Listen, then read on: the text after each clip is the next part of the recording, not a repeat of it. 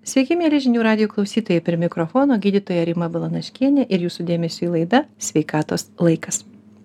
Šiandien laidoje kalbėsime apie modernios medicinos formą, kuri žvelgia į žmogų kaip į visumą, visų organizmų funkcijų sąveiką ir tokia pat didelė bei sudėtinga sistema kaip ekosistema. Tai endobiogenika - naujas požiūris į gydimą pasitelkus šio laikinio mokslo atradimus kas tai yra endobiogenika ir kaip jinai atėjo į lietuvą. Apie tai kalbėsime su mūsų studijos viešnia endobiogenikos instituto vadove gintare jarošiūne laba diena gintare laba diena rima. Laba diena klausytojai labai gera matyti tave mūsų šiltoje studijoje ane tu čia kai atėjai iš karto sakai pas jus labai šilta. Tikrai karšta turiu prisipažint. bus pirtis ane taip taip visko gali būti ta prasme tai čia matyt ir ir ir emocinė šiluma ir ir ir fizinė šiluma visokia ane taip. Na galų gale tai ir pavasaris tai jau truputėlį visiškai ane už lango šiandien pavasaris sumišęs su žiema bet na toksai taip iš tikrųjų pereinamasis periodas ir žinau kad tu grįžai visiškai neseniai iš kelionės ane? Taip. iš labai šiltų kraštų. Tikrai taip. Tai buvo labai gera pailsėti sukaupti resursus kad galėčiau kibti į darbus ir pasipildžius jėgom. Kaip tu jautiesi po tos kelionės? Ta prasme tai buvo na jei ne paslaptis kur ta kelionė? Kur tu buvai? Buvau Šilankoje, keliavau po Šilanką ir Mhm. paskui truputėlį ilsėjausi Maldyvuose. Tai Šilanka yra nuostabi šalis su nuostabia istorija ir ten yra ir, pažiūrėjau, ir veda. Turi be galo Mhm. didelės ir gilias šaknis. Ir jeigu jau kalbam apie kaip alternatyvę mediciną, kaip tokią, tai, pavyzdžiui, tikrai yra išskirtinis pavyzdys, nes Ajurveda studijuoja gydytojai 10 metų ir valstybė finansuoja tolygiai pacientui jisai gali rinktis ar jisai eina klasikinės medicinos ar jisai eina į ajurvedos medicinos centrą yra net ligoninės steigiamos tai indija ir šri lanka skaitosi tos šalys kur žmogus gali važiuoti patirti tą vadinamą pančakarmą ajurvedos kur yra tas detoksas kiekvienas pagal savo konstitucinį tipą kur bando save grąžinti į tą tipą kuriam jisai buvo gimimo metu realiai. Tai tai vat iš tos pusės man šri lanka tikrai kiek yra išvystyta ta alternatyvi medicina aišku kur kitur nu jie yra istoriškai galbūt smarkiai nuo pilietinio karo nukentėję ir nuo kitų dalykų. Bet buvo visai kitokia patirtis įdomi gaila kad sakau tuo metu kai važiavau nežinojau apie ajurvedines patirtis kurios gali būt matyt būčiau pasirinkusi būtent tokį kelią kad išbandyt ir patirt ir ir suprast apie ką tai bet šį kartą buvo grynai pažintinė kelionė ta kur- prasme nebuvo susiję su ajurvedos ne visiškai ne? nebuvo bet nu tiesiog ten būnant ir nu tu negali nepamatyti kad tau įdomu tai nepažinti. taip man tai yra ir įdomu tai aš sakau man buvo toks liūdesys kad važiavau nepasidomėjus realiai daugiau pasidaviau draugių pasiūlymams šitoj vietoj ir galvoju nu bus kaip bus čia nieko nereikia planuot ir kai nuvažiavau nagus galėjau nusigraužt kad vis dėlto nepasidomėjau ir galėjau patirt dar kitaip šri lanką nes tikrai verta įdomi Mhm. kelionė ir kiek kitokia negu esu galbūt įpratus nes jinai intensyvi buvo iš savęs bet sakau kartu ir pailsėjau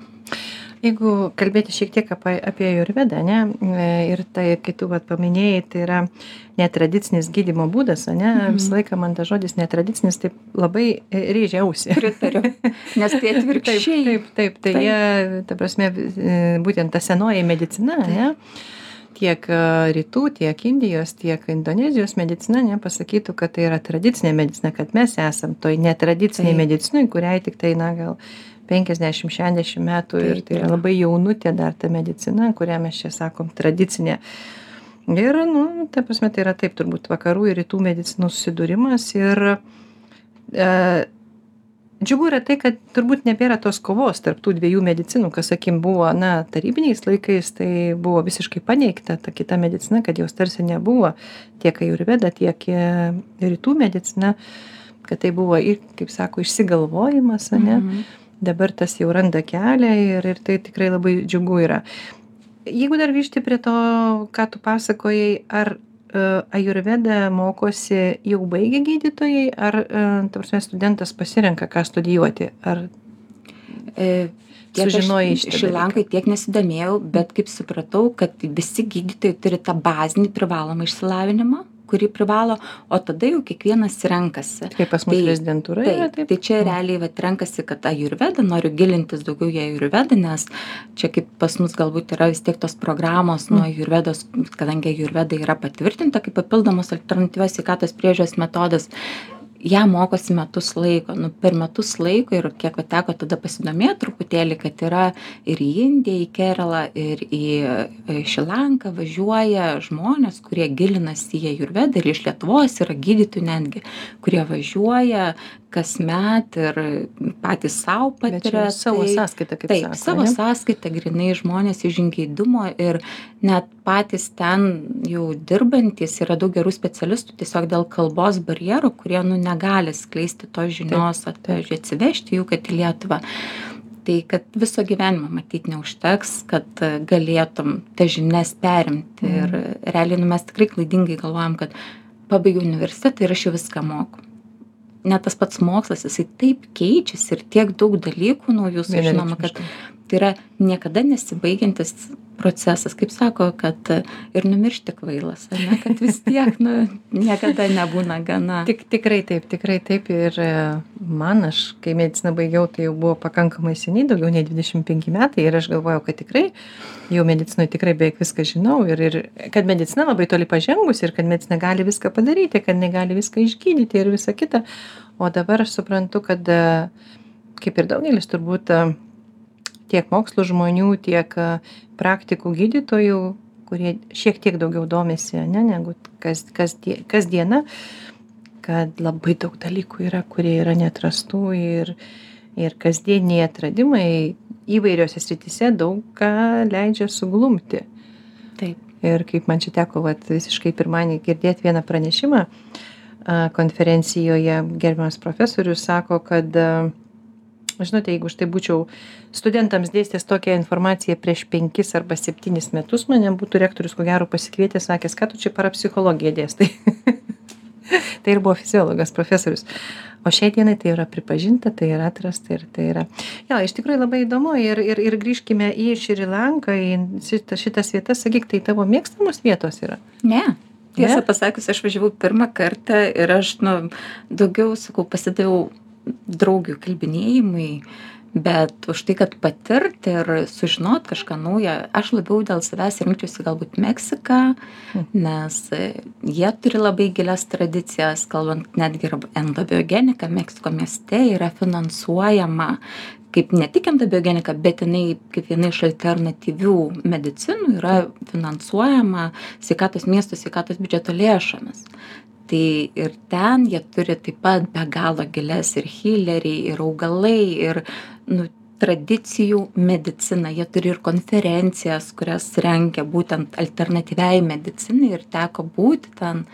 Tai kartais galbūt net vis tiek kaip iš racionalaus tokio prado atrodo kiek keista nu ir hileriai o pas mus vis tiek yra tokia nuostata nu šamanai tokie. Gal buvo tai jau ir taip galbūt bet gal buvo keičiasi ir medicina. gali būti. Net tų pačių užkietėjusių tokių ta prasme gydytojų praktikų ane kurie ta prasme sakydavo kad ir augalai negydo ir ir apskritai kad čia yra viskas nesąmonė jau ir jų men keičiasi požiūris aš taip manyčiau. Aš labai noriu tuo tikėt nes aš galvoju kad žmogus taip sako dažniausiai iš nepasidomėjimo.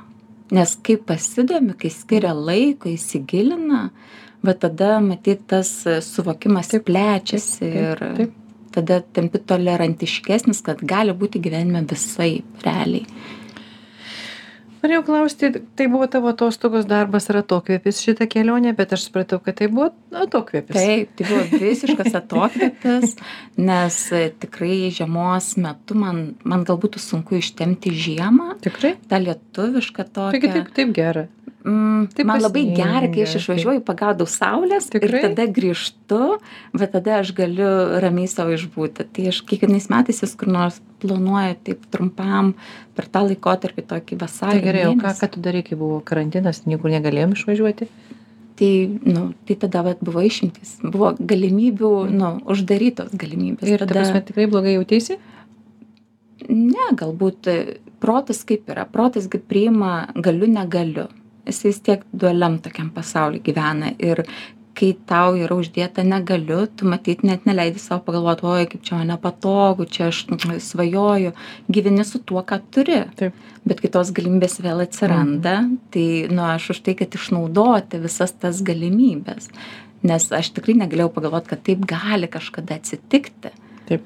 tai vat ta patirtis kad gali būti visaip ir mes tikrai nežinom kaip gali būti na matyt aš visiškai šiaurietiškas žmogus va ta prasme Mhm. aš tikrai labai daug e, kolegų pažįstamų va taip kaip tu sakai Mhm. kuriems reikia tikrai saulės ir ir ten ar lapkritį ar gruodį kam skirtingai kam kovą Taip. kam vasarį ne na aš į tai abejingai žiūriu visiškai vat man jos nereikia man užtenka tiek kiek pas mus yra matyt aš šiaurietiškas sausio mėnesio penkios valandos mane primušė šiais metais tai aš nu man daugiau tikrai reikia Gerai, Gintelė, dabar pakalbėkim jau apie endobiogeniką, ne? Sakyk, prašau, a, kas tai yra tau? Kas endobiogenika yra tau? Vat šiai dienai. man taip endobiogenika yra mano trečias vaikas realiai nes jinai tikrai mane patraukė savo kompleksiškumu savo meile žmogui tuo holistiškumu ir kad tikrai svarbiausia nepakenk matymu žmogaus kaip visumos neatskiriant neskaidant jo į dalis neatskiriant kūno nuo mūsų minčių proto išgyvenimų kas nu paprastai yra tai endobiogenika šitoj vietoj aš į ją tikrai žiūriu ir ja rūpinuosi kaip tai būtų mano trečias vaikas nu dukros neturiu tai sakykim čia yra mano dukra Tai tavo vaikams dabar kiek metų? vienam yra keturiolika kitam yra dešim O endobiogenikai kiek? o endobiogenikai šiais metais lietuvoj sueina dešimt metų Dešimt metų. taip dešimt metų Tai jau visi vaikai paauginti. Nu galima gali jau sakyti atostogauti šiek tiek. Taip, jau galiu po truputėlį, nes endobiogenika Lietuvoje institutas veiklą pradėjo 13 metais. Mhm. Tai vad nuo 13 metų šiais metais švesim dešimtmetį. Graži šventė, žinau, laukia, ne? Taip, tikrai taip. Kam, ka, kas gavo pakvietimus, tiem pasisekė, ne? Tai Taip. iš tikrųjų bus graži šventė. Sakyk, prašau, jeigu taip gražiai pavadinai, vat, a, ap- kad tai yra tavo trečias vaikas, a, nesakim, kaip vaikai atsiranda ir kaip jie ateina į mūsų gyvenimą, liktai jau žinome, ne, ypač kas domisi medicina tikrai turbūt žino. O sakyk, prašau, kaip endobiogenika atėjo į tavo gyvenimą, kaip šitas vaikas atėjo? E, Mano asmeninė patirtis su endobiogenika, jinai, nu, galėtum sakyti, tai yra stebuklas. Ir, Nu, kaip kiekvieno tai- vaiko gimimas yra stebuklas, iš tikrųjų. Tai mes su šeima penkis metus gyvenom Švedijoje ir kai nusprendėm, kad vis dėlto, kad ir kokia nuostabi Švedija yra kaip šalis ir mūsų antras vaikas Švedijoje yra gimęs, e, bet aš nesijaučiau save realizuojanti pilnai. Ir mes nusprendėm grįžti į Lietuvą ir kadangi Švedijoje mes išsigdėm kitą gyvenimo būdą, ėmėm daug sportuoti, nes nu, ten visai kitokios sąlygos yra. Ir pirmas dalykas, ką vyras padarė, jis nupirko abonementą į sporto klubą. Ir pamenu, kai nuėjau sportuoti į sporto klubą, trenerė pastatė mane ant bėgimo takelio ir šalimais atsistojo vyras, kuris pradėjo kalbėti, pasakoti ir pradėjo dalintis apie endobiogeniką.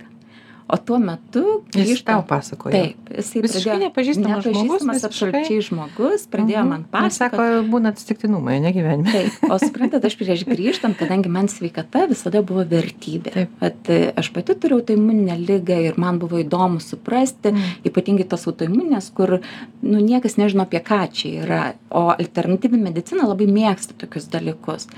Tai aš buvau pradėjus daug domėtis ir galvojau, va, grįšiu į Lietuvą, man reikia susirasti ne gydytoją korifėjų, nes paprastai jie žino, ką tu turi daryti ir jie tavęs neklaus. O kokį nors jauną mediką, kuris klausytų, ką aš turiu, bet aš, pavyzdžiui, nepasitikiu, nes aš galiu už gryną pinigą priimti daugą, nes man trūksta tų giluminių žinių. Tai kad jisai man padėtų susigaudyti, kaip tas paveikslas atrodo. Ir suprantat, aš tada einu ant to bėgimo takelio ir galvoju, Jėzu, aš nenoriu mėgsti jokių pažinčių, nieko. Ir tas žmogus pradeda man pasakoti apie endobiogeniką, aš pamenu, aš esu savo kūnu, atsisuku į jį, nes tai, apie ką aš svajojau, jis man pradeda dalintis. Žinokit, viskas. Tai buvo va, tas momentas ir čia buvo endobiogenikos instituto steigėjas, kuris va, taip dalinosi mano širdis nuo tos pat akimirkos buvo endobiogenikai. tai vat mano pažintis su endobiogenika buvo tokia ir aš tada jau pradėjau atrodo buvo tokia ir sinergija suprantat kad jis tik pasidalina man ateina idėjos ką reikia daryti kaip daryti. Ir einu durys atsidaro vienos kitos atsidaro. Ir aš galvoju nu taip gyvenime nebūna tu negali gauti tiek daug. Taip bet kai eini iš širdies ir pagal širdį nu tu negali gauti ne nu tiesiog neįmanoma gauti ne. Tai vat mano pat pažintis pati buvo va tokia ant tai kas tas takelio. paslaptingas žmogus buvo? Tai yra e, kaip ir ne paslaptis šitoj vietoj yra instituto steigėjai yra broliai ortizai kuriems tai yra svarbu ir vertybiškai svarbu e, plėsti tokį požiūrį lietuvoj. Tai čia buvo vienas iš brolių taip čia buvo kaip jis ten vienas pateko į švediją ne čia buvo lietuvoj čia viskas jau buvo ai čia jau lietuvoj lietuvoj tau taip grįžus jau grįžus Ai, man teisingai, tau lietuvoj grįžus, kaip Taip. vyras nupirko abonementą, kad tu čia neliūdėtum. nuėjau Taip, taip, taip, sportuot taip. kaip tik turėjau kaip Aha. kelis O jie tuo metu. Lietuvoje gyveno, ne tas brolis? Taip, Mm.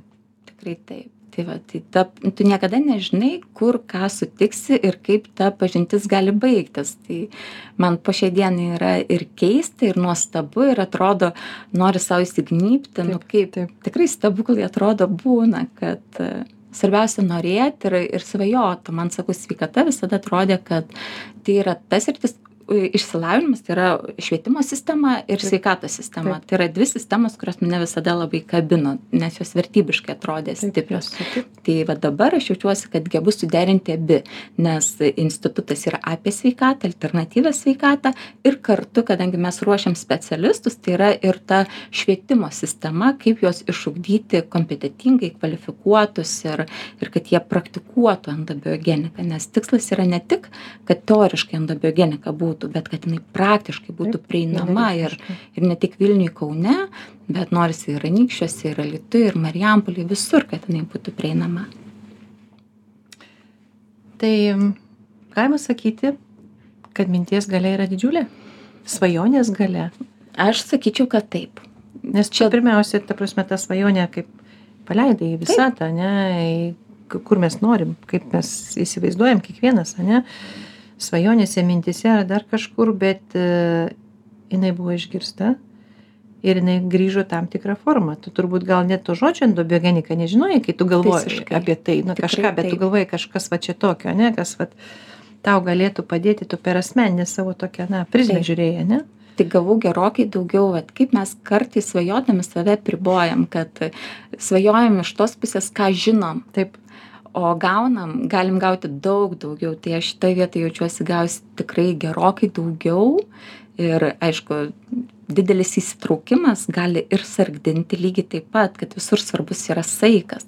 Ir irgi čia buvo kelias, kurį turėjau išmokti, kad šimtų procentų atsiduoti vien tik tai veiklai, nes aš į šeimą realiai jaučiausi sugrįžusi kažkur po penkių metų. Tik Ta prasme, tu visiškai endobiogenikoj buvai, aš ne? buvau, Ta prasme, su trečiu vaiku savo. Normalu, nu, reikia vaiką paauginti iki penkių metų. Tai Žinot, labai- mes vaikus abu su vyru auginom labai sąžiningai kartu. Aš niekada negalėčiau pasakyti, kad aš auginau Taip, vaikus. Ne, mes su vyru tikrai kartu auginom. Bet šitą vaiką? Bet šitą vaiką, tai aš jau viena be vyro. Vyras augino mano nu, vaikus. Pirmus vaikus. Taip, kai aš rūpinausi endobiogenika. Aišku, negaliu visų laurų prisimti savo, nes prie to visada dirba komanda. Nu, tu vienas niekada nieko nepadarysi. Ir aš galiu būti atsakinga daugiau už formą, bet turinį kuria tik gydytojai. Mm, Tie, kurie išmano, kurie taiko, kurie patikė endobiogeniką. Nes pirmiausia, jie turi būti atviri ir žingeidus. Nes labai lengva ir šiandien vis tiek yra gydytojų, kurie skeptiškai vertina, bet sakau, tas skepticizmas jisai ateina dėl to, kad žmogus neskiria laiko pasidomėti. Jam gal baisu, kad įsileis ir su tuo kažką reikės daryti. Tada, Arba tai nu, yra tiesiog kitaip. Arba tai yra tiesiog kitaip. Taip, Tai yra taip. kitaip. Kas atsitiko, kad e, po penkių metų, kaip sakai, tu grįžai į šeimą ir supratai, kad, na, jau reikia ir dėmesio kitiems duoti, ne, ir vyrams, ir, ir vyrui, ir vaikams, ir, ta prasme, nu, vyrams, savo šeimos Taip, vyrams, ne? Kas atsitiko? Ar jau nusprendė, kad tas vaikas paaugintas, ar kažkokie įvyko Ne. įvykiai?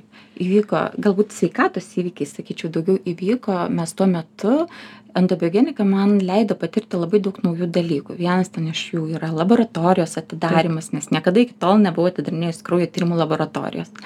E, tuo metu Antakalnio medicinos centrą atidarinėjom, kliniką atidarinėjom. Ir man dar buvo tas toks, žinot, jaunatinis maksimalizmas, kad aš viską galiu pati. Ir čia toks net puikybės, toks net sakyčiau, akcentas. taip, Ir kad man nereikia pagalbos, aš viską ir atrodo kažkam kažką tai rodys, nu, realiai. Ir kas atsitiko, aš užsičiopiau m, netyčia, bet skiliukiai mazgą. Bet taip užsičiopiau, kad jau jaučiau ranką jį gerai. Ir čia man buvo toks mano pažadinimo skambutis, nes aš agresijos kaip tokios, nu, neturėdavau, bet pas mane būdavo tokia pasyvi agresija, kad sakau, kitiems žmonėms tikrai būdavo labai sunku matyti šalia manęs, nes e, aš užsispiriu ir man tikrai viskas gaunasi, bet aš su tokia nu, Taip, vat, kad aš galiu būti puikiai ir Mhm. tu gali tada būti. Ir žmonėms šalia tokių žmonių būti yra be proto sunku ir net nemalonu. Ir aš prisimenu skambutis, aš jau žinau. toks autokratizmas jau, ne, dal- dalinai, ne? Galima sakyti. Ir, mhm. Ir kadangi mano skydliukės, aš visada turėjau tuos mazgus skydliukiai, bet su antibiogenika atėjus, kadangi nu, aš tikrai jaučiausi, kad valgau patį skaniausią gyvenimą piragą ir aš jo niekaip negaliu prisisotinti ir nekramtysiu, atrodo, taip jį suvalgysiu. Ir kas gavosi, tie mazgai, jie kiekvienais metais pradėjo aukti ir va tada jau, kai užsičiuopiau išoriai, jau tas mazgas užėmė daugiau negu dvi trečiasias skydliukės mano. Ir va tada aš supratau, dar sulaukiau kolegės skambučio, pamenu, ir vėl aš taip supykau, kad nu taip gerai nepadarė. Ir tada pala, pala, gintarė, tavęs tai nebebus, o jie tai bus. Ir bus taip gerai, kaip dabar yra. Ir tada prasidėjo mano darbas realiai su savim ir tas, nu, pokytis truputėlį. Taip, tai kad e, kas yra tikra, svarbu ir endobiogenika ir man matyti visada bus svarbi, bet svarbus ir tas gyvenimas, kuris yra ir tas reikalavimų mažinimas visas. Tai yra endobiogenika labai, sakyčiau, prisidėjo prie mano virsmo netgi kaip žmogaus. Tai yra mane augino ir iš profesinės pusės, kad daug galimybių išbandyti, padaryti, bet kartu ir kaip žmogui, kaip keistis, kad ir kitiems gera būtų su tavim ir tau pačiam būtų gera su savim ir kad šeima dėl to nenukentėtų, nes realiai endobiogenika kalba apie balansą. Mūsų viskas gyvenime realiai turi O būti tau tuo metu labiausiai subalansuota. trūko. Taip, O tau to taip, trūko. Tu tą taip. Vedėjai, ta prasme, pačią idėją, pati būdama išsibalansavusi, Taip. ne? Ir iš tikrųjų, kaip yra mm, išminčių pasakyta, kad e, jeigu tau yra vat, vis dėlto, na, tas vyksta svajonės įgyvendinimas ir, ir vat, kažkokie tokie tarsi tikrai stebuklingi atsitikimai vyksta, atsitiktinumai, mes juos vadinam, atsitiktinės pažintis, galimybės ir visa kita, kad svarbiausia yra, na, ne, neįkristi į tą tokią puikybės liūną. Va čia yra, nes atrodo, va, tikrai, ne, aš čia susipažinau, man čia atrodo, ne, va, atsiuntė kažkas, tai va, tokias galimybės aš galiu padaryti, ne. Ir va, ta, ta, ta tokia riba ir matyt, jo. Bet ir, Ir ką, apie ką pamastyti. ir aš nebūčiau to niekaip išmokusi iš jokių knygų. Tikrai. Aš realiai turėjau tą patirti savo kailiu ir tas suvokimas galėjo galbūt kiti man baksnuoti, rodyti ir kol aš nebuvau tam pasirengusi pati pamatyti, aš nebuvau pasirengusi ir pokyčiai. Gerai, dabar trumpam staptelkime ir pokalbį su mūsų studijos viešne pratęsime po trumpos pertraukos, likite su žinių radiju, sugrįšime į studiją visai netrukus. Grįžtame į studiją, tęsime laidą ir kalbame apie endobiogeniką bei endobiogenikos kelią į Lietuvą. Primenu, kad mūsų studijoje svečiuojasi endobiogenikos instituto vadovė Gintarė Jarašiūnė. Gintarė, pirmoje laidos dalyje mes a, šiek tiek aptarėme endobiogeniką ir jos kelią į Lietuvą ir tavo asmeninės patirtis, ne? Ir tu baigėjai pokalbį apie tai, kad a, a, asmeninės a, bėdos, ne, tau leido išsigydyti puikybę. Na, Jeigu taip galima sakyti, Kaip žmogui ne? keistis. Kaip, Gal kaip aš negaliu sakyt, kad keistis, ane? išsigydžiau.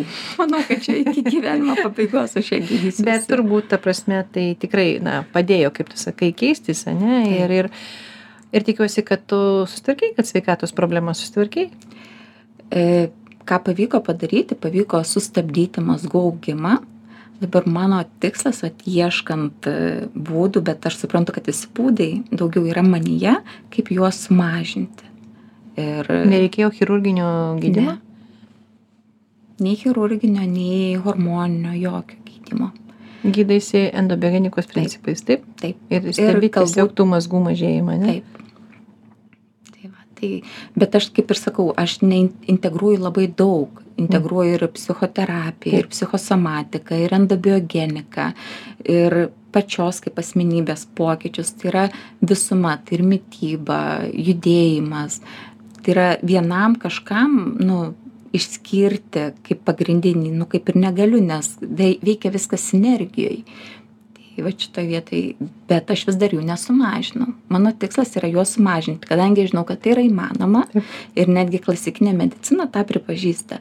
Vadinasi turiu atrasti tiktai raktą kuris yra tinkamas man konkrečiai. Ką labiausiai pakeitei gyvenime vat nuo to per tuos paskutinius va penkis metus. Požiūrį sakyčiau kad požiūrį į ką taip į tai, kas yra svarbu. Mhm. Kad e, buvau linkusi tikrai labai daug dalykų sureikšminti, atrodo, tai yra pasaulio pabaiga. Mhm. Ir šiandien dienai aš galiu dar save pagauti, kad aš nu, įsikimbu į tą savo seną e, veikimo mechanizmą, kad tai yra reikšminga ir kad ne kitaip truks pliš ir miego sąskaita.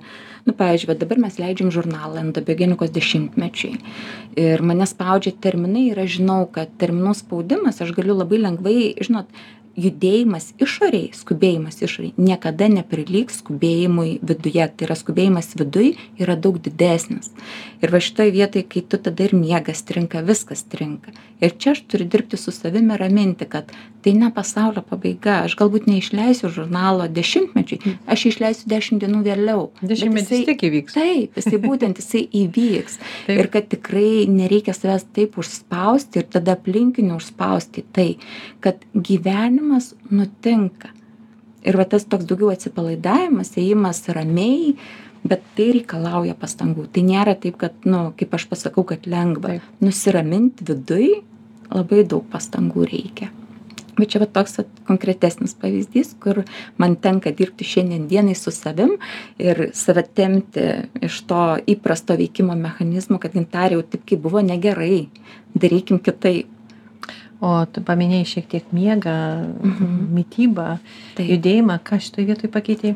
Tai mytybą labai pakeičiau, kas liečia Į kurią pusę sakykim, nes dabar Sakyčiau, tendencijų, visokių teorijų yra, kuo tu remiesi? Aš tai daugiau žiūriu šitą vietą į tą antiuždegiminę mytybą, nes vis tiek mūsų lygos formuojasi, kai yra uždegiminė terpė tam tikra.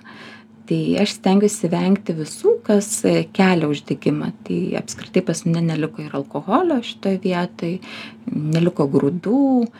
Tai negaliu sakyti, kad aš buvo momentas, kai aš kraštutiniškai galėjau lėkščiai kabinėtis, kad e, ne, ne, ne, nevalgysiu, jeigu čia buvo batonas prisilietė. Bet kažkada nu, vis tiek ateina ta branda truputėlį. Protingumo sąvoka įsiveda. kad jeigu aš kartais ir suvalgysiu lėkštę su ten kurtonais, tai man nieko neatsitiks ir kad daug svarbiau kaip emociškai. Ir krosaną, jeigu suvalgysi kartais. Aišku, kad nieko neatsitiks. Taip, nes visur svarbu balansas ir jausmas, su kokiu eini. Teisingai tai. ta prasme, taip. O kaip su miegu? O su miegu, tai čia buvo gal vienas sudėtingesnių dalykų, kaip suvaldyti, nes man tikrai yra labai svarbu kokybiškas miegas. Kaip ir kiekvienam, manau. Nes jeigu tikrųjų, ir blogai, nepam, jeigu blogai pamiegu, aš tada natūraliai jaučiu poreikį maistui ir jo Mm, suvalgau taip. daugiau. Tai kadangi man daug svarbiau yra kokybiškai pamiegoti, turbūt resursai energijos, tai aš stengiuosi eiti anksti gult, Anksti tai kada? devintą, ne Devintą visada. netgi? Taip, ne visada, bet man patinka anksti keltis. Gerai, devintą, taip, tai užmėgi kokią dešimtą jau turbūt Taip, negi. nu, tai dar būna rytojus Tai su vaiku, jau- viską. Cirkaniai ritmai fantastiškai, kaip sako, Bet- džiaugiasi. Bet būna išimčių, pavyzdžiui, vakar Nu, nuėjau gulti 11 Nu, tai- ir nesididžiuoju savimi. Ir ką mano išmanusis laikrodis parodė, kad turėjau tik 3 minutės gilaus miego. Tai, nu, kaip nėra labai gerai. O gerai, tu sakai, anksti keliesi, kada tu mėgsti? Pusė keltis? šešių. Pusė šešių, ne? Na, bet jeigu nuo dešimt, pusė šešių, aštuonios valandos tikrai išeina. Taip, ir man patinka lėti Mhm. rytai. Ir kai ne, dar visa šeima miega, kad aš galiu savo ramiai ar jogą pasidaryti, ar knygą paskaityti. Tai va, toks laikas būna su savim, nes dienos metu aš skubu, aš taip. ir nu, greita. Taip, tai va šitoje vietoje man bent jau lėti rytai turi būti. Dabar tu jautiesi ramiai, mat mūsų pokalbį. Taip. Neskubi niekur. Nu, ne, laikas atrodo nespaudžia. Tu laiko žiūrėti nematai, tai Nu, labai ne. gerai. judėjimas dar viena viena viena kryptis kurią tu sakei kad pakeitei kas kas čia atsirado tavo gyvenime nes jau supratau taip sportavai tu jau ir iki tol taip bet e, švedijoj mes daugiau sportuodavom su dviračiais e, kad nu daug laiko mes visą Toks aktyvus stokholmą toksai, ne? taip išvažinėjom vaikus ant kėdučių užsisodinę išvažinėjom grynai su dviračiais ir turėdavom savo tokius kaip maršrutus. Ir kai grįžom į lietuvą tų sąlygų nu su dviračiais man nuoširdžiai baisu yra važiuoti vilniuj ir aš nu negaliu. Ir jie stovi dūla rūsy bet gal geriau tegu pastovi negu Va. nesaugiai važiuoti ir tada man reikėjo prisijaukinti sporto klubą nes nu man buvo labai sunku su tuo sporto klubu kažkaip niekada nebuvau išsportavus sporto klube daugiau negu ten porą mėnesių Taip. tai va per endobiogeniką ir tą pažintį nes mes labai daug reikalų sutvarkydavom treniruotės metu realiai su steigėju ir vat sportuojant taip atsirado didžiulė meilė. Ir dabar jau gavosi taip kad aš vat ir jogą integravau ir jau man nereikia ir sporto klubo šitoj vietoj. Aš jau galiu be sporto klubo sportuoti. Tai bet man tapo būtina dalis mano rutinos kad o tavo šeima kaip ta prasme visa tai irgi integruoja savo gyvenimą ar ar tu esi dalis e, tokia šeimos kuri na vat visa tai darai o jie gyvena savo gyvenimą. Ar jūs visi tuo užsiimat ir valgot panašiai ir judat panašiai ir ir mąstot panašiai? Aš labai norėčiau kad taip būtų bet nes per prievartą nieko neįdėsi taip jau labiau Viskas vaikams turi- ta prasme jie išvis turi subręsti ir Taip. suvokti tai O mažiukas netgi atradom su vyru ir kalbamės, nu, jauniuk sakom, tu neslėp, jisai užsiperka šlamštmaišio ir pasislėpia spintai, suprantat? Ir aš kartais nesuprantu, ko tas mano vaikas toks paslaugus, jisai ir skalbinius nusineš viskas susidės, tik tu mama, neik į mano kambarį. Ir čia netyčia atrandam spintui, nutelas. O aš esu tokia linkusi, kad nu tikrai yra tų gerų pakaitalų, kaip gali ir pats pagaminti. Ir, ir sakom, jauniuk, nu kodėl tu slepi nuo mūsų? Jau tėtis su manim kalbėjo, jau tu nekalbėk su manim. šita tema." Taip Taip. žino bet nesuvokia dar Taip, ne? nu, pasyvat yra noras, gal dėl to, kad mes neperkam šiaip. taip Tai, nu, na gale visi draugai valgo gali būti vat ir taip. pavyzdžiui, vyresnysis sūnus, jisai puikiai jums papasakotų apie mytybą, ko negalima, bet spėkit, ar pats to laikosi, nieko panašaus. Vyras, nu vis dėlto yra dalykų, pavyzdžiui, kai nusprendžiau, kad absoliučiai alkoholis, nu, man nėra Mm. pakeliui. Ir aš tikrai nieko nesakiau savo vyrui, kad ir tu ten negerk, dar ką nors tokio. Ir aš atsimenu, mes vaikštom parduotuviai, gal po kokių keturių savaičių jis sako, tai tu pastebi, kad aš nebeperku jokio alkoholio. Taip. Sakau, taip sakau, pastebiu ir labai dėl to džiaugiuosi, bet tai yra, kai jisai natūraliai tą įdėjo į savo gyvenimą, kaip, kad mes galim būti pokyčių, stimulų pokyčiui kitam su savo teisingais pasirinkimais, bet jie turi ateiti iš kiekvieno žmogaus vidinio suvokimo, bet ne dėl to, kad taip, aš čia taip, taip pasakiau. taip, Taip. kad taip reikia taip tada turbūt nebūna to vidinio konflikto kai tu pats su savim konfliktuoji ane ir bandai kad viena Taip. gintarė nori vyno išgerti o kitas sakė ne ne ne ne ne negalima ane ilgai nesitęs. o kita gintarė ta prasme tiek paslėpusi įsipils ir išgers Taip. tai, va, tai dabar dar vyras, ką bando daugiau mane išugdyti, jisai bando mane ištempti, kad eiti pasivaikščioti. Tai aš taip sakau, aš tau taip dėkoju, kad jeigu mes tą įprotį išsiugdysim, kad eisim pasivaikščioti bet kokiu oru, nes aš tokia taip taip. O jisai, nu tai einam, koks skirtumas. Apsirenkim Taip, nėra ane? blogo oro, yra bloga apranga. Tai, bet jeigu mes šitą įprotį jo dėka išsiugdysim, tai aš, nu, būsiu labai laiminga. dar nes- dar viena kaip Taip. sako ten akmenėliai į gerų darbų Taip, maišelį tikrai. Ne Gintarė, kiek aš atsimenu, jeigu teisingai tavo pagrindinis lavinimas tai yra juridinis, taip? Taip, teisininkė. Ar tu dar vis jautiesi teisininkė, nes tu kalbi tikrai apie mediciną a, pakankamai išsamei ir supratingai, aš suprantu, kad a, gydyti pacientus turbūt yra jau ne, ne, ne tavo, ane, tu negydai tiesiogiai, ne? Taip, Ta prasme, tiesiogiai, nei netiesiogiai, Tai tai yra suprantama mano. yra, bet a, tavo žinios tiek yra labai plačios ir, ir, ir apie tą pačią endobiogeniką, manau, kad tu turbūt dar a, tūlam gydytojui galėtum papasakoti nemažai. Tu jautiesi dar, kad tu teisininkė? Ar jau nebe? žinios labai praverčia. Aš sakyčiau, kad e, kai svajojau, stodama į teisę, kad būsiu advokatė, paskui būsiu teisėja. Ir penktam kurse po pažinties su Islandais, kai gavau paragauti veiklos, kur galiu pritaikyti savo teisinės žinias, bet veikla buvo pilnai vadybinė, aš viskas. Man tos teisės realiai nu nereikėjo nes bendravimas organizavimas tai yra tai kur aš jaučiuosi geriausiai.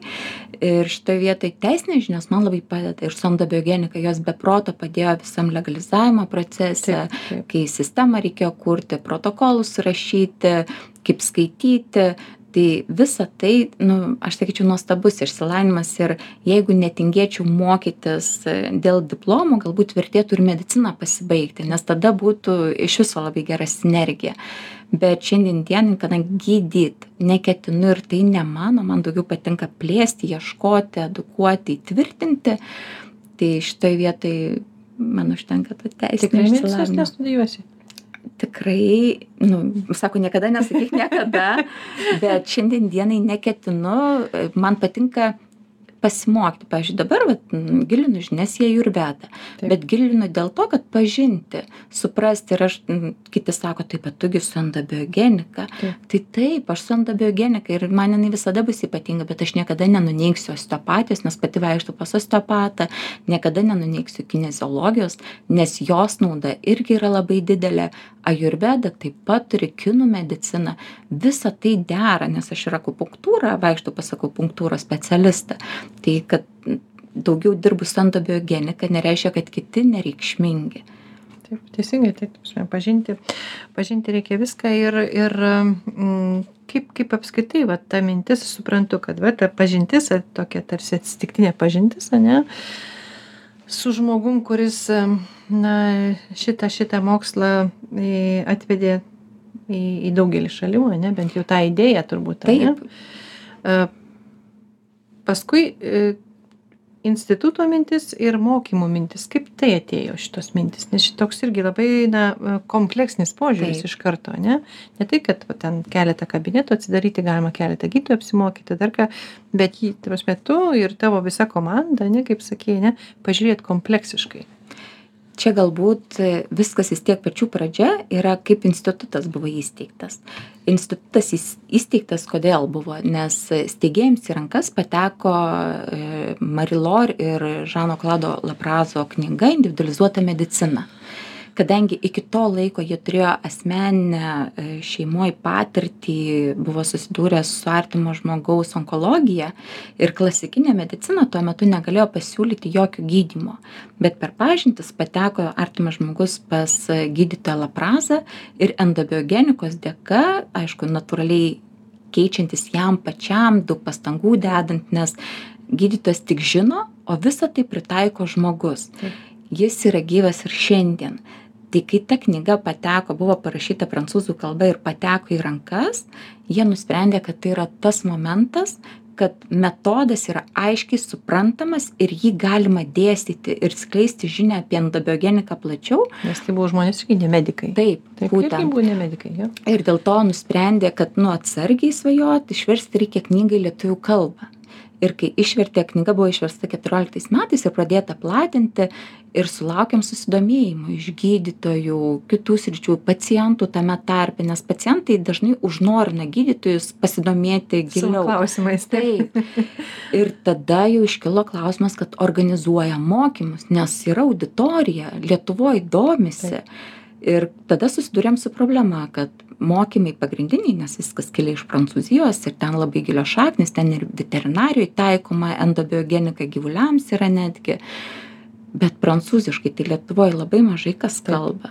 tai va tada ieškojom ir laprazas rekomendavo amerikos asociacijos prezidentą e, kamjarą hidajatą tada vežėm jį. Ir žinokit vis tiek yra ta problema kad tuo metu anglų kalba ir čia daug filosofijos endobiogenikoj yra kad labai buvo vis tiek sunku ir tie patys žingeidžiausi atkakliausi jie mokėsi tuos du metus tada vežė meksikiečius nes meksikiečiai jie turėjo labai gerą kūno apžiūros patirtį nes jie mažai darydavo kraujo tyrimus skirtingai nuo prancūzų bet jie labai iš kūno apžiūros ir anamnezės daug spręsdavo.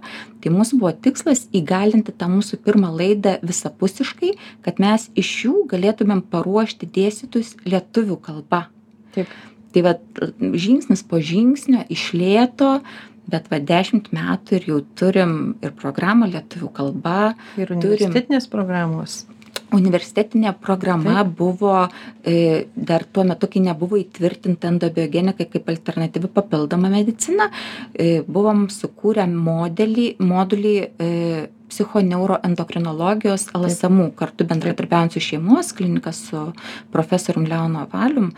Ir ten buvo tikslas skleisti žinią nuo rezidentų, nes rezidentai galėjo rinktis ir aišku, po diplominės studijos galėjo taip pat klausyti tik endobiogenikos ten nebuvo tiek daug, nes nu, ta, tas valandas tu jos nesutalpinsi. Išdėliota buvo taip, padalinta. Bet jinai buvo supažindinama. Ir tas, kas užsikabina ir nori daugiau, jau įsigalėjo įti mokytis pagal e, patvirtintą sveikatos apsaugos ministro įsakymų programą ir, ir studijuoti endobiogeniką pas mus. Tai instituto konkrečiai lektoriai, kurie pirmųjų laidų yra. Ir, ir mūsų tikslas yra realiai, kad taip skambiai galbūt skamba bet kai mūsų nebebus kad endobiogenika ir būtų vat ką ir pradėjot sakyt kad ne kabinetuose jinai prasidėtų ir pasibaigtų bet kad jinai galėtų taip įleistų šaknis kaip dabar yra ajurveda kaip yra kinų medicina kaip m, klasikinė netgi ta pati medicina net žiūrint iš tos pusės kad jinai jauniausia yra kad jinai nepasibaigtų su nu, mūsų buvimu. Bet šiaip jeigu paimti endobiogenikos pati kaip medicinos kryptis yra pakankamai jauna. Aišku, jinai sujungia daugelį žinių, daugelį pakraipų, ne, ir ta prasme tie patys augalai ir augalų, sakykime, terapija, tai yra gydimas augalais, bet principė, va, tas sujungimas yra kiek metų, ta prasme, pasaulyje endobiogenika. Prasidėjo viskas 20-ojo amžiaus 80-metį, realiai. Tai yra mhm. pradžia kai diurafūras su laprazu suėjo kaip komanda nes diurafūras buvo tos smegenys kuriam kilo mintys kas dabar yra moksliniais tyrimais patvirtinama kad ašys sąveikauja tarpusavyje ir laprazas kartu jisai irgi buvo toks entuziastas jisai pat patikrint viską patikrint ar taip tikrai yra.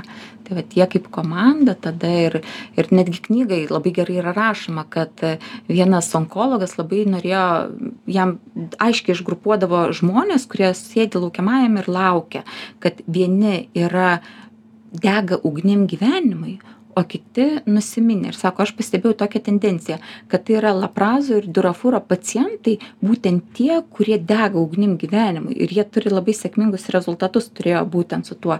Tai va čia įrodo tą mūsų kompleksiškumą kad e, mes esam visuma kad mes nesam tik mūsų kūnas. O tau gyvenime e, kokius žmones tenka sutikti ir tavo komandoje visi yra degantys gyvenimu visokius. Aš pati ne visada būnu deganti gyvenimu didžiojoj daugumoj atvejų degu betgi būna dienų visokių kad nu atrodo visi aplinkui kalti nors giliai viduj suprantu kad nu mes patys kuriam aplinką kurioj esam ir kad mano mintys įsitikinimai nuotaikos suprojektuotos visos gali būt į kitus žmones tai aš galiu matyt kitą kaip blogą arba kaip gerą. Čia mano pasirinkimas. Bet čia nu tas kai tu esi resurse taip gali kalbėt o kai būni ne resurse nu tai visokių yra žmonių. Bet dabar šiandien dienai aš tikrai daugiau aplink save matau palaikančių mylinčių duodančių mm, siekiančių optimistiškai nusiteikiančių žmonių. Jie tie žmonės įdomu iš tikrųjų tokie ar tai yra tavo požiūrį projekcija. Ar tavo projekcija jo? Nežinau aš manau kad e, gali būt įvairiai sunku atsakyti į šitą klausimą ir manau kad gal vienareikšmiško atsakymo ne gal pati jauti tiesiog. Gal tu kaip sakai pasikeitei labai ir tie žmonės pagerėjo aplink esantys nes tu pakeitei požiūrį. Taip gali būt ir taip. Ir bet sakau dienų būna aš meluočiau jeigu sakyčiau kad aš visada tiktai taip taip pozityviai ir, ne ir pavyzdžiui vaikai suserga ir neišsimiegi ir atrodo ir dar už lango va saulės nėra. Nu tai tiek ir tereikia atrodo. Bet žinau kad ir tai praeis ir tai praeis. Nu, kaip ta saliamono išmintis ane kad niekas nesitęsia amžinai viskas praeina ir visai visai visai paskutinis klausimas kadangi mūsų laikas baigėsi sakyk prašau kas yra meilė pagal endobiogeniką jos principais jeigu remiantis. Vat kaip tu apibūdintum kas yra meilė? O tokio sunkaus klausimo nuoširdžiai nesitikėjau. Ir kad atsakyt aš matyt dar šitą klausimą kontempliuosiu labai ilgai po mūsų laidos. Ir žodžiu suprantu kad atsakymą paliksi kitam kartui. Ar bandysi jisai būtų daugiau toks galbūt ekspres atsakymas šitoj vietoj, kad man atrodo vis tiek meilė prasideda nuo pačio žmogaus savo. Kad kiekvienas turi žiūrėti savęs ir pirmiausiai pradėti mylėti save. Rūpinti savim, save statyti prioritetu ir jausti tas ribas, jausti, ko jisai nori ir gyventi iš širdies. Tai vad meilė, galbūt jeigu iš to, vat, ką garsiai savo pavardinau, tai ir būtų tas gyvenimas iš širdies ir pagal širdį. Ačiū labai, ačiū už tokį na, ekspres atsakymą, ne, manau, kad jis toks labai labai išsamus ir daug ką sakantis, aš tikiuosi, kad tu pagalvosi ties šito klausimo, ne, mes, kai sustiksime kitą kartą, mes būtent pradėsime nuo šito klausimo, gerai? Tai ačiū labai, kad tu atvykai į studiją, kad skyriai laiko ir primenu, kad mūsų studijoje buvo Endobiogenikos instituto vadovė Gintarė Jarašiūnė. Ačiū labai dar kartą už pokalbį. Laidą vedė gydytoja Rima Balanaškienė. Primenu, kad visų laidų įrašus galime rasti žinių radio interneto svetainėje ziniųradijas.lt. Atsveikinu, iki kitos savaitės būkite sveiki, džiaukitės gyvenimu ir mylėkite. Ačiū Rima.